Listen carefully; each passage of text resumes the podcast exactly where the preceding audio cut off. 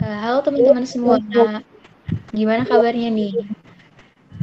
Kenalin sebelumnya kenalin dulu kali ya. Uh, aku Salsabila Irvani dari Magangers Kabinet Aronika tahun 2020. Di sini aku kebetulan magang di Kemenkoan Mulkam atau di kampus.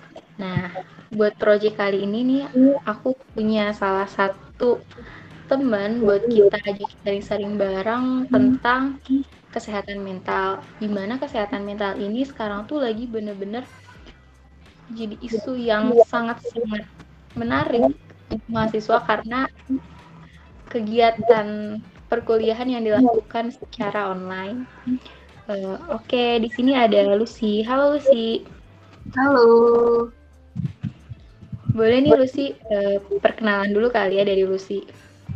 Oh iya, kenalin nama aku Kamila Rohmah bisa dipanggil Lucy. Aku dari Fakultas Teknik Pertambangan dan Perminyakan.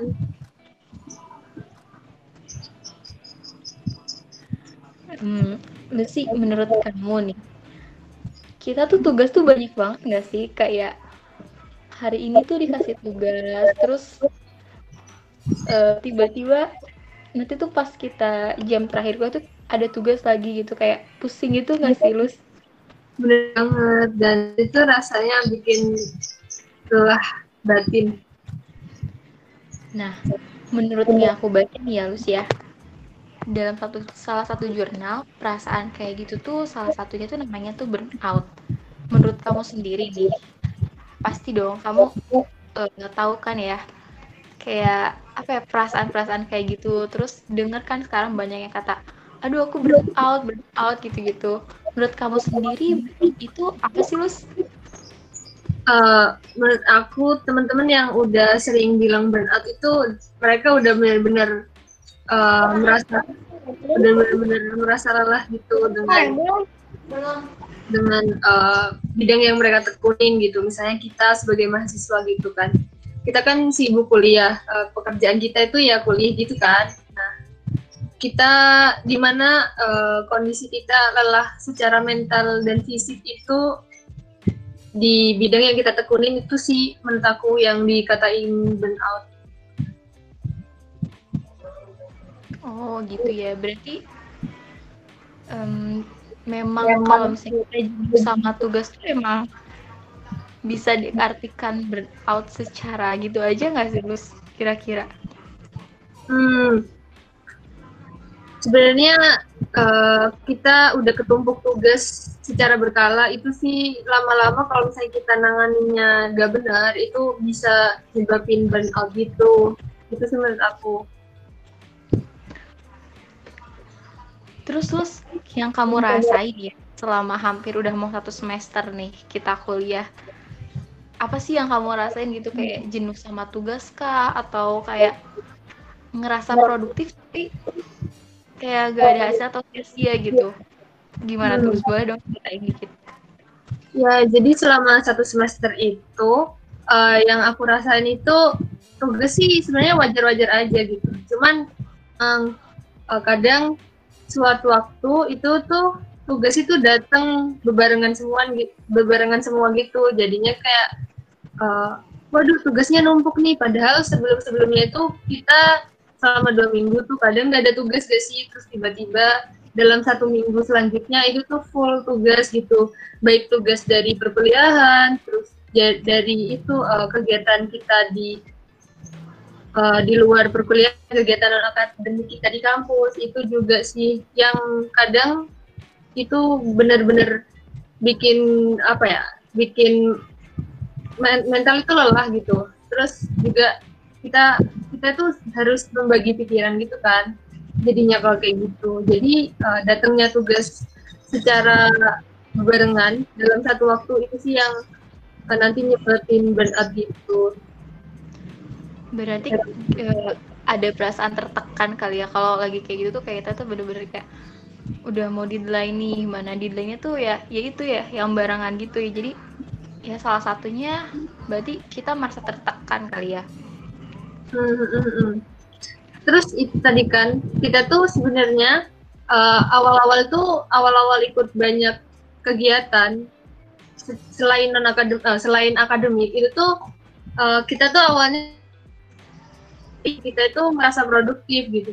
Tapi lama kelamaan uh, kita tuh kayak wah aku produktif gitu aslinya uh, ternyata setelah kita lihat lagi kita melakukan evaluasi gitu terhadap kegiatan kita itu tuh sebenarnya kita cuma sibuk gitu kadang. Bukan produktif gitu.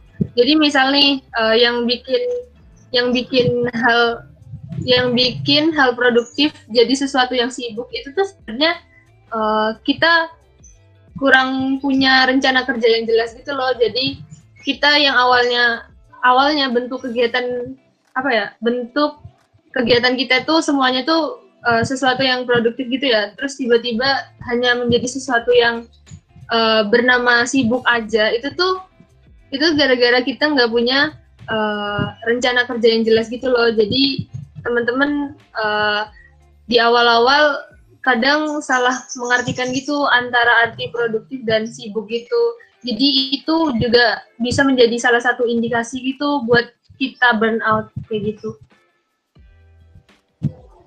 Berarti ini ya, uh, apa ya, istilahnya tuh berarti kayak kita tuh kurang merencanakan juga. Dan juga kadang kita kan suka, ah deadline ini masih lama nih, kan tugas-tugas yang besar rata-rata tuh ya dua minggu atau seminggu, tapi kadang kita suka pas udah hamin hamin berapa baru dikerjain kan, itu kayak ternyata nambah banyak tuh nambah sini, nah suka jadi bingung kan mana dulu nih yang harus dikerjain kayak gitu itu tuh harusnya kita tuh harus bisa ngatur kali ya. Kayak oh berarti kita sedia ini dulu harus ngatur gitu.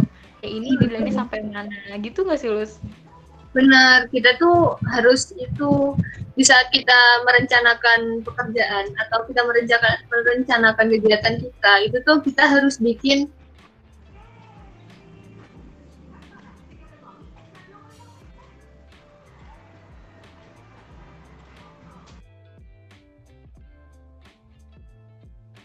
kan gitu. Suara aku putus gak? tadi sempat putus kayak oh, jadi aku ulangin ya. Jadi uh, kita tuh saat melakukan perencanaan kerja kita bikin perencanaan kerja uh, kita tuh harus bikin batasan jam kerja gitu. Bukan berarti kita um, bikin batasan jam kerja itu membatasi diri bukan. Tapi uh, kita tuh saat membuat perencanaan kerja kita tuh harus uh, memikirkan secara matang gitu loh oh sehari aku kuatnya berapa jam ya? Sehari aku kuatnya segini segini gitu.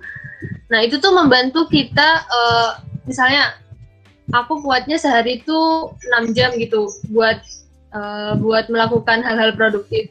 Nah di situ tuh kita harus benar-benar mengoptimalkan diri gitu di 6 jam gitu. Jadi karena kita udah menentukan batasan jam jadi uh, kita tuh pikiran kita tuh tetap berusaha gitu loh buat buat apa ya buat mengoptimal gimana caranya ngisi 6 jam kita itu uh, dengan hal-hal yang produktif dan secara otomatis itu tuh me, apa ya hmm, membiasakan diri gitu diri kita buat uh, buat tidak bekerja secara berlebihan jadi kayak gitu. Dan secara nggak langsung itu tuh mengubah mindset kita jadi lebih baik sih itu sih yang aku alamin saat ngelakuin saat mencoba melakukan perencanaan kerja. Jadi kayak gitu. Wah keren banget nih Lucy. Dan juga kayaknya yang paling penting tuh ketika kita udah punya timeline timeline yang jelas kayak gitu tuh kita nggak bakal ketinggalan buat tidur kali ya. Benar, karena benar. banyak kayak di nanti nanti sampai akhirnya tuh kayak ya udah bablas sampai akhirnya kayak nggak tidur gitu sampai ya ngambil waktu tidur kita gitu. Seharusnya kayak jam 12 udah tidur deh kita masih ngerjain tugas karena siangnya ada ditunda juga lah atau ada kegiatan lain yang enggak sesuai sama perencanaan kita. Nah kamu nih lu sering gak sih kayak hampir nggak tidur gitu atau tidurnya tuh malam banget bener-bener di jam tidur normal gitu?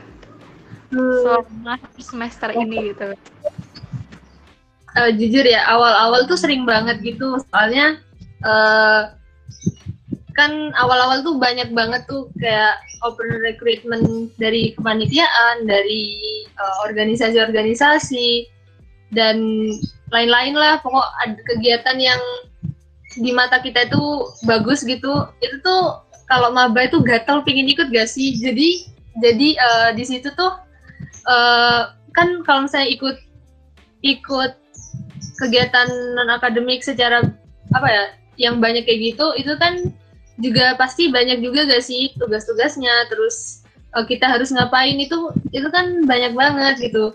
Jadi di situ di awal-awal tuh di masa-masa itu itu tuh benar-benar kerasa gitu kalau misalnya uh, banyak tugas dan dan harus bukan harus sih mau gak mau itu tidur di atas jam normal gitu bisa di dia seminggu tuh bisa setiap hari tidur di atas jam 12 tapi itu awal-awal doang gitu.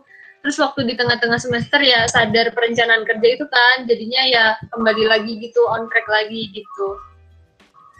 Wah keren keren keren. Salut deh. Terus ya lu nih aku mau nanya nih. Um, menurut kamu nih ya kalau misalnya kalau misalnya keadaan pandemi gini tuh kan sangat berarti sangat berdampak dong ya ke tingkat burnout. Bukan gitu deh ke apa ya lebih kayak lebih sering burnout gitu nggak sih di pandemi gini tuh? Secara ngelihat tugas banyak gitu. Menurut kamu gimana dibanding berarti kamu bisa bandingin ini dong sama waktu SMA gitu kan? SMA kita masih ngalamin offline ya masih kerasa gitu pasti sama dong ada titik tugas di mana tugas tuh numpuk banget gitu. Cuman mungkin beban tugasnya itu yang beda kan. Menurut kamu gimana tuh? Pandemi ini tuh berpengaruh nggak sih ke um, apa ya ke burnoutnya gitu? Gitu um, menurut aku berpengaruh banget sih. Soalnya kita tuh biasanya hmm, kita tuh kalau misalnya tugas numpuk gitu kan jadi sensitif gitu loh nah sedangkan kalau misalnya kita di offline gitu kita tuh bisa apa ya uh, bisa meredakan tingkat stres kita itu dari kita bersosialisasi secara uh, apa ya berhadapan langsung bertatap muka langsung gitu dengan orang-orang sekitar kita. Sedangkan kalau misalnya online itu, uh, contohnya nih, kita rata-rata kan kita itu TPB uh, kuliah dari jam 8 sampai jam 15.00. Nah, itu tuh menurut aku kita tuh dalam jangka waktu 8 sampai 15 itu tuh istirahat yang lama itu cuma di isoma doang kan cuma satu jam 12 jam 12 sampai 13.00 biasanya Nah, di situ tuh uh, 12 sampai 13.00 kosong itu kita kan pasti ya makan, ibadah, mandi atau gimana gitu kan. Nah, di situ kita tuh biasanya kalau misalnya kita selesai kelas, kita tuh pasti omong-omongan gak sih sama teman gitu. Atau kita mau pindah ke kelas selanjutnya, kita tuh pasti omong-omongan gitu sama teman, ngebicarain ya sesuatu yang terjadi di hari itu kan. Nah, sedangkan kalau misalnya kita online, itu kan kita kan nggak bicara gak bicara sama orang yang sefrekuensi sama kita yang sama-sama menekuni bidang itu gitu misalnya kalau misalnya kita di rumah kan kita tuh yang kita tuh biasanya omong-omongan sama sesama mahasiswa gitu. Yang sa emang sama-sama ngerti tentang apa yang kita bicarain gitu. Kalau misalnya kita omong-omongan sama orang rumah kan orang rumah kan belum tentu ngerti gitu tentang apa yang kita alamin gitu. Takutnya kalau misalnya kita omong-omong apa ya kita omong-omongan sama orang rumah mengenai masalah kita hari itu di perkuliahan itu tuh malah malah apa ya kitanya sensitif gara-gara mereka kurang mengerti gitu kan nah di situ itu bisa menjadi salah satu penyebab burnout juga gitu. Jadi ya online itu bikin apa ya bikin resiko burnout itu bertambah sih gitu menurut aku. Iya bener banget sih. Jadi sensitif gitu ya. Apalagi kalau punya adik anak kecil tuh kayak udah udah kita pusing ya terus dia kayak bikin pusing banget kayak nambah gitu kamu tuh. Yeah, yeah, belum yeah. lagi bener sih. Kayak kita udah kas udah jenuh banget kan ngerjain tugas sekarang banyak gitu. Terus saya tuh pengen keluar banget ya pengen main gitu. Eh tapinya mikir juga kan ya takut covid lah gimana lah gitu. Jadi ya memang cukup menjenuhkan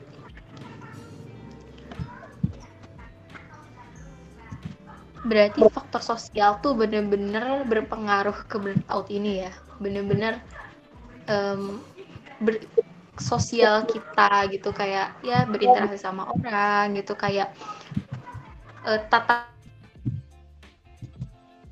bicara apa ya diskusi sama orang dan juga lagi mm, lagi pandemi gini tuh kadang kita kalau misalnya chatan sama orang apalagi nih ya uh, sama temen baru misalnya. Teman kuliah baru tuh paling kan nggak jauh-jauh dari masalah kuliah juga nggak sih? Iya benar-benar. Jadi kadang kita tuh terbatasi juga gitu terbatas banget gitu kan buat cari topik-topik yang lebih fun gitu. Karena yang ada tuh kayak kuliah kuliah gitu. Kita tuh butuh orang sebenarnya kita sama teman kita tuh butuh ngomong-ngomongan secara langsung tuh buat apa ya buat ngeluapin masalah perkuliahan gitu loh jadi kalau misalnya aku mau ngomongan sama temen kuliah aku secara online itu tuh kayak sambat kan biasanya kita tuh sambat kan sama temen iya, kita nah biasanya kalau sambat itu kan uh, buat ngeredain atau ngeluapin masalah kita selama kuliah atau hambatan-hambatan kita gitu kan selama kuliah.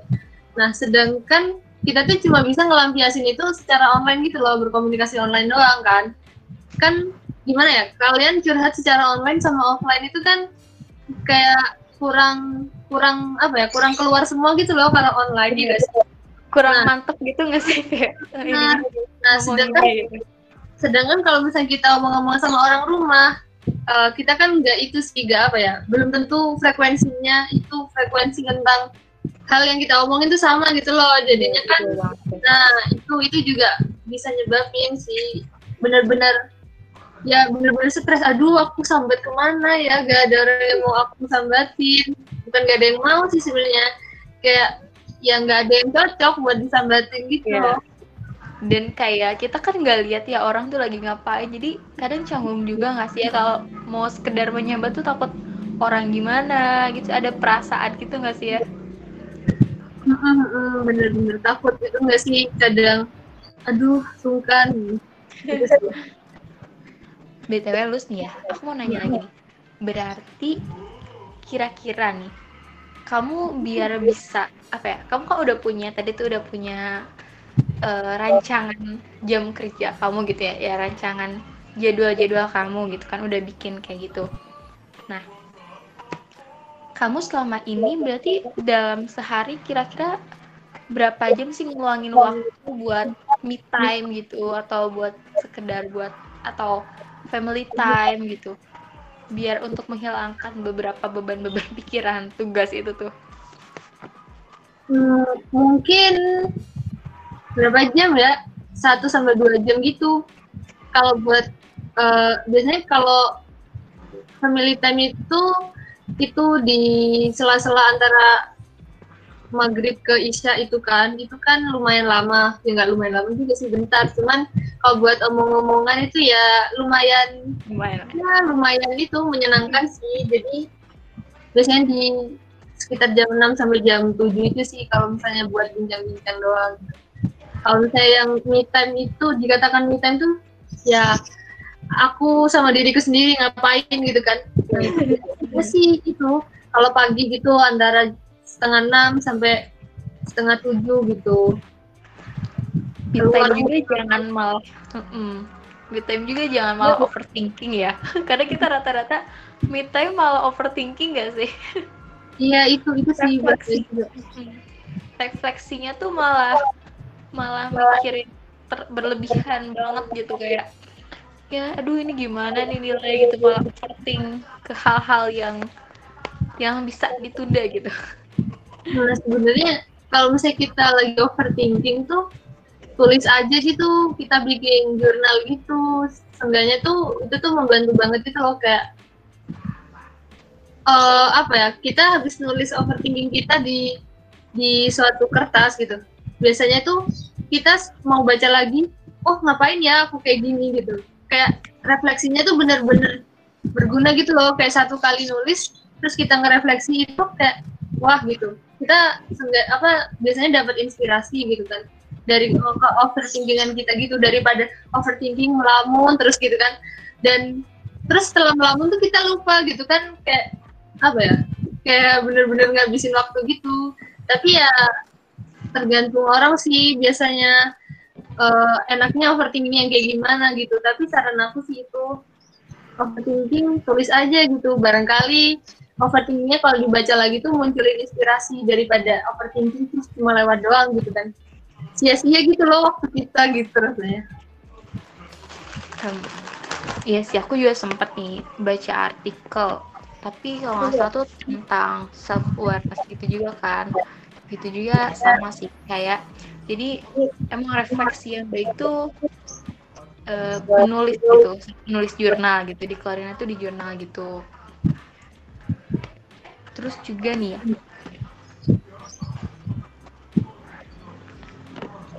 Kita tuh kadang sambat tuh di Twitter kan ya? Banyak banget tuh. Main fast fast tuh udah bener-bener dipakai buat sambat tuh ya. Tapi juga dalam satu sisi tuh uh, kita kan kuliah udah selalu depan layar gitu ya. Depan itu 24 per 7 tuh bayangin. Belum ngerjain tugas kan ditambah lagi kalau misalnya kita meet time atau nyambat tuh waktu waktu luang kita di medsos juga atau kita megang HP kan ya. Menurut kamu nih um, apa efektif efek cara paling efektif gitu biar kita tuh me time yang pas selain tadi kan menulis gitu dan biar mengurangi media sosial juga? Yang kalau menurut aku sih media sosial dan dan uh, apa kayak kayak uh, gadget. Dan gadget itu internet tuh mempengaruhi juga terhadap uh, resiko burnout seseorang gitu. Menurut kamu gimana Lus? Hmm, menurut aku sih usahakan tuh kalau me time tuh lepas lepas gadget itu. Kalau misalnya mau sambat pun ya ya boleh sambat di Twitter sekali-sekali. gitu.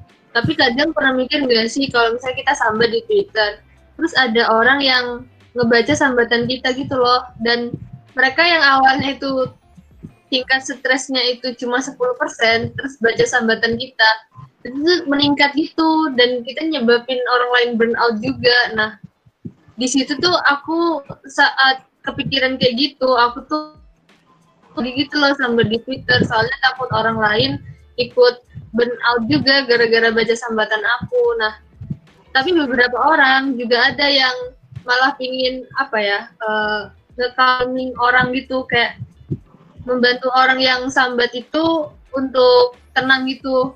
Ya tergantung sih tergantung orang yang baca sambatan kita gitu. Cuman saran aku jangan itu jangan sambat di Twitter gitu. Soalnya takut orang juga ikut burnout nah kalau me itu menurut aku ya kita kan uh, jarang tuh olahraga pagi gitu. Biasanya gara-gara ya mungkin kita malamnya begadang terus paginya kuliah. Jadi kita kalau bangun tuh mepet-mepet jam kuliah gitu.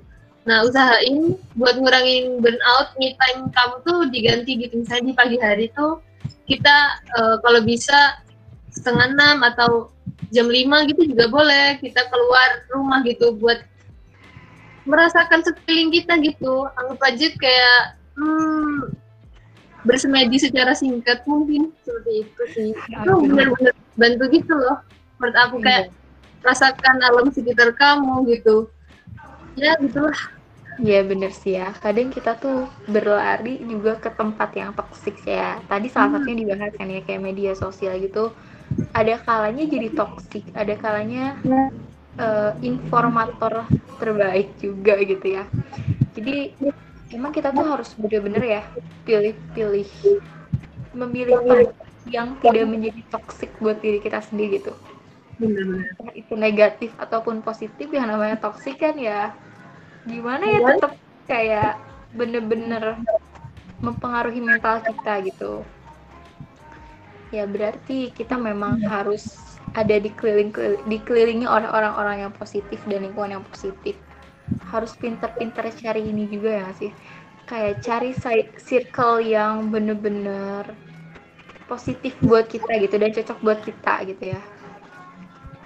Iya bener banget. Ya kalau bisa sih nyari circle yang se apa ya sefrekuensi sama kamu gitu.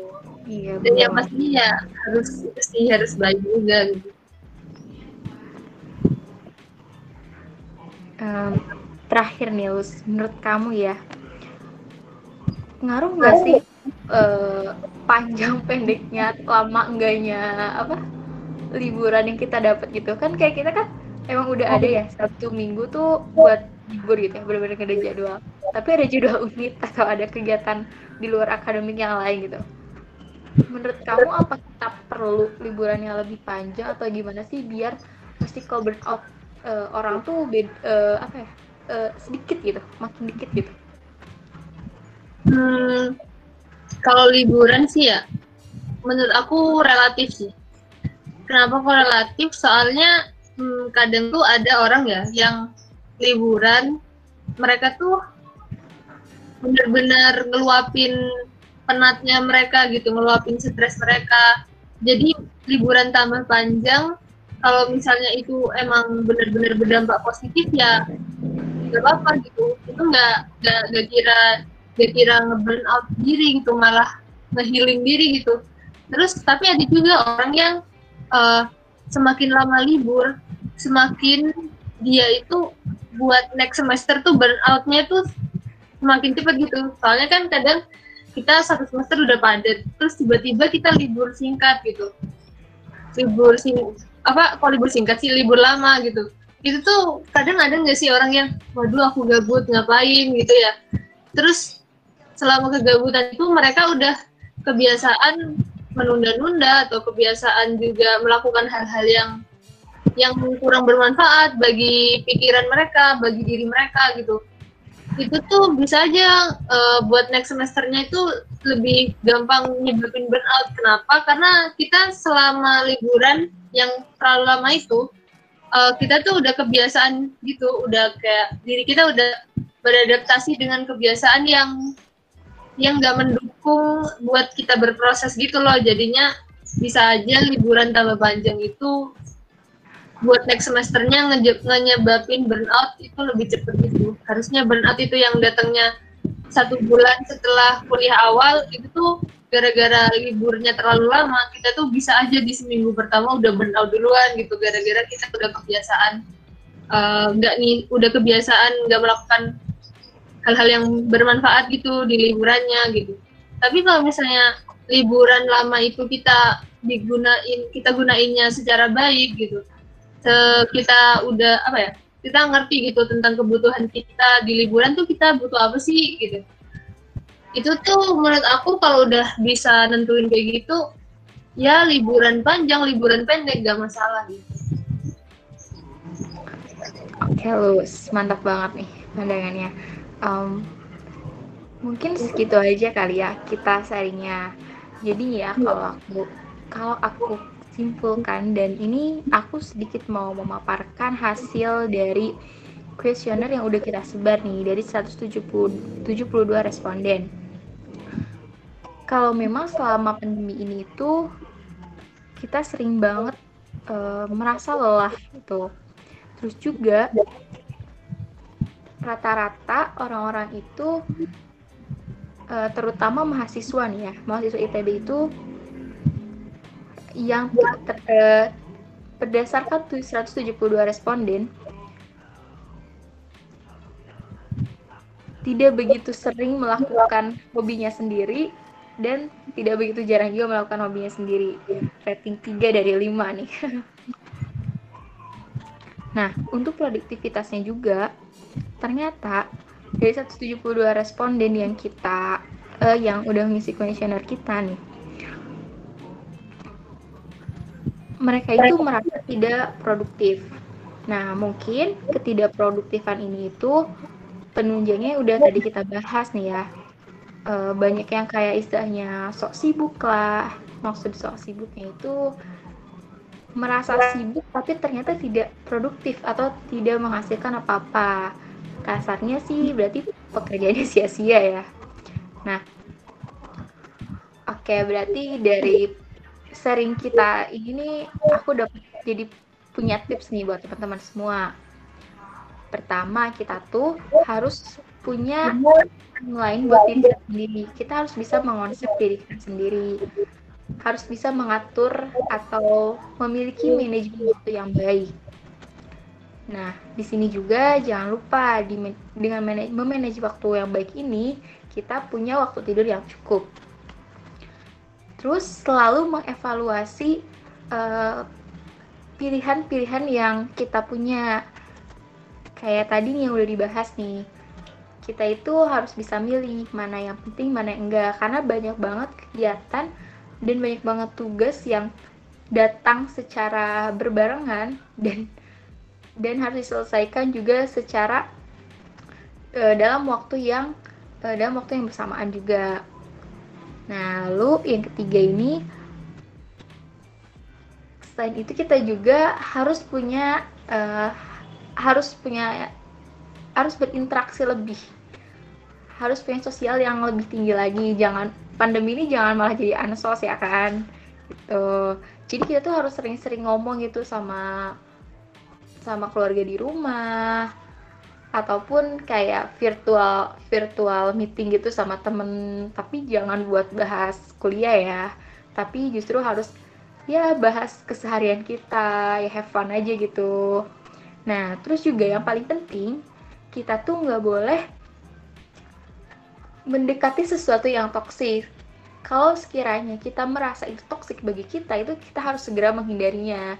Jadi carilah Eh, orang-orang uh, positif, carilah media-media yang positif yang justru malah bisa membuat kita tuh lebih membuka pikiran kita bukan malah membuat kita itu makin pesimis atau itu tuh malah makin tertekan gitu dengan kata-kata orang lah, dengan status yang orang pasang lah atau apa pun itu yang memang kita merasa toksik gitu. Nah, mungkin itu tips dari aku berdasarkan dari sharing aku sama Lucy kali ini. Nah, teman-teman, jadi uh, stay safe, stay healthy, dan kalau keluar rumah tetap uh, ingat protokol kesehatannya. Oke, terima kasih semua.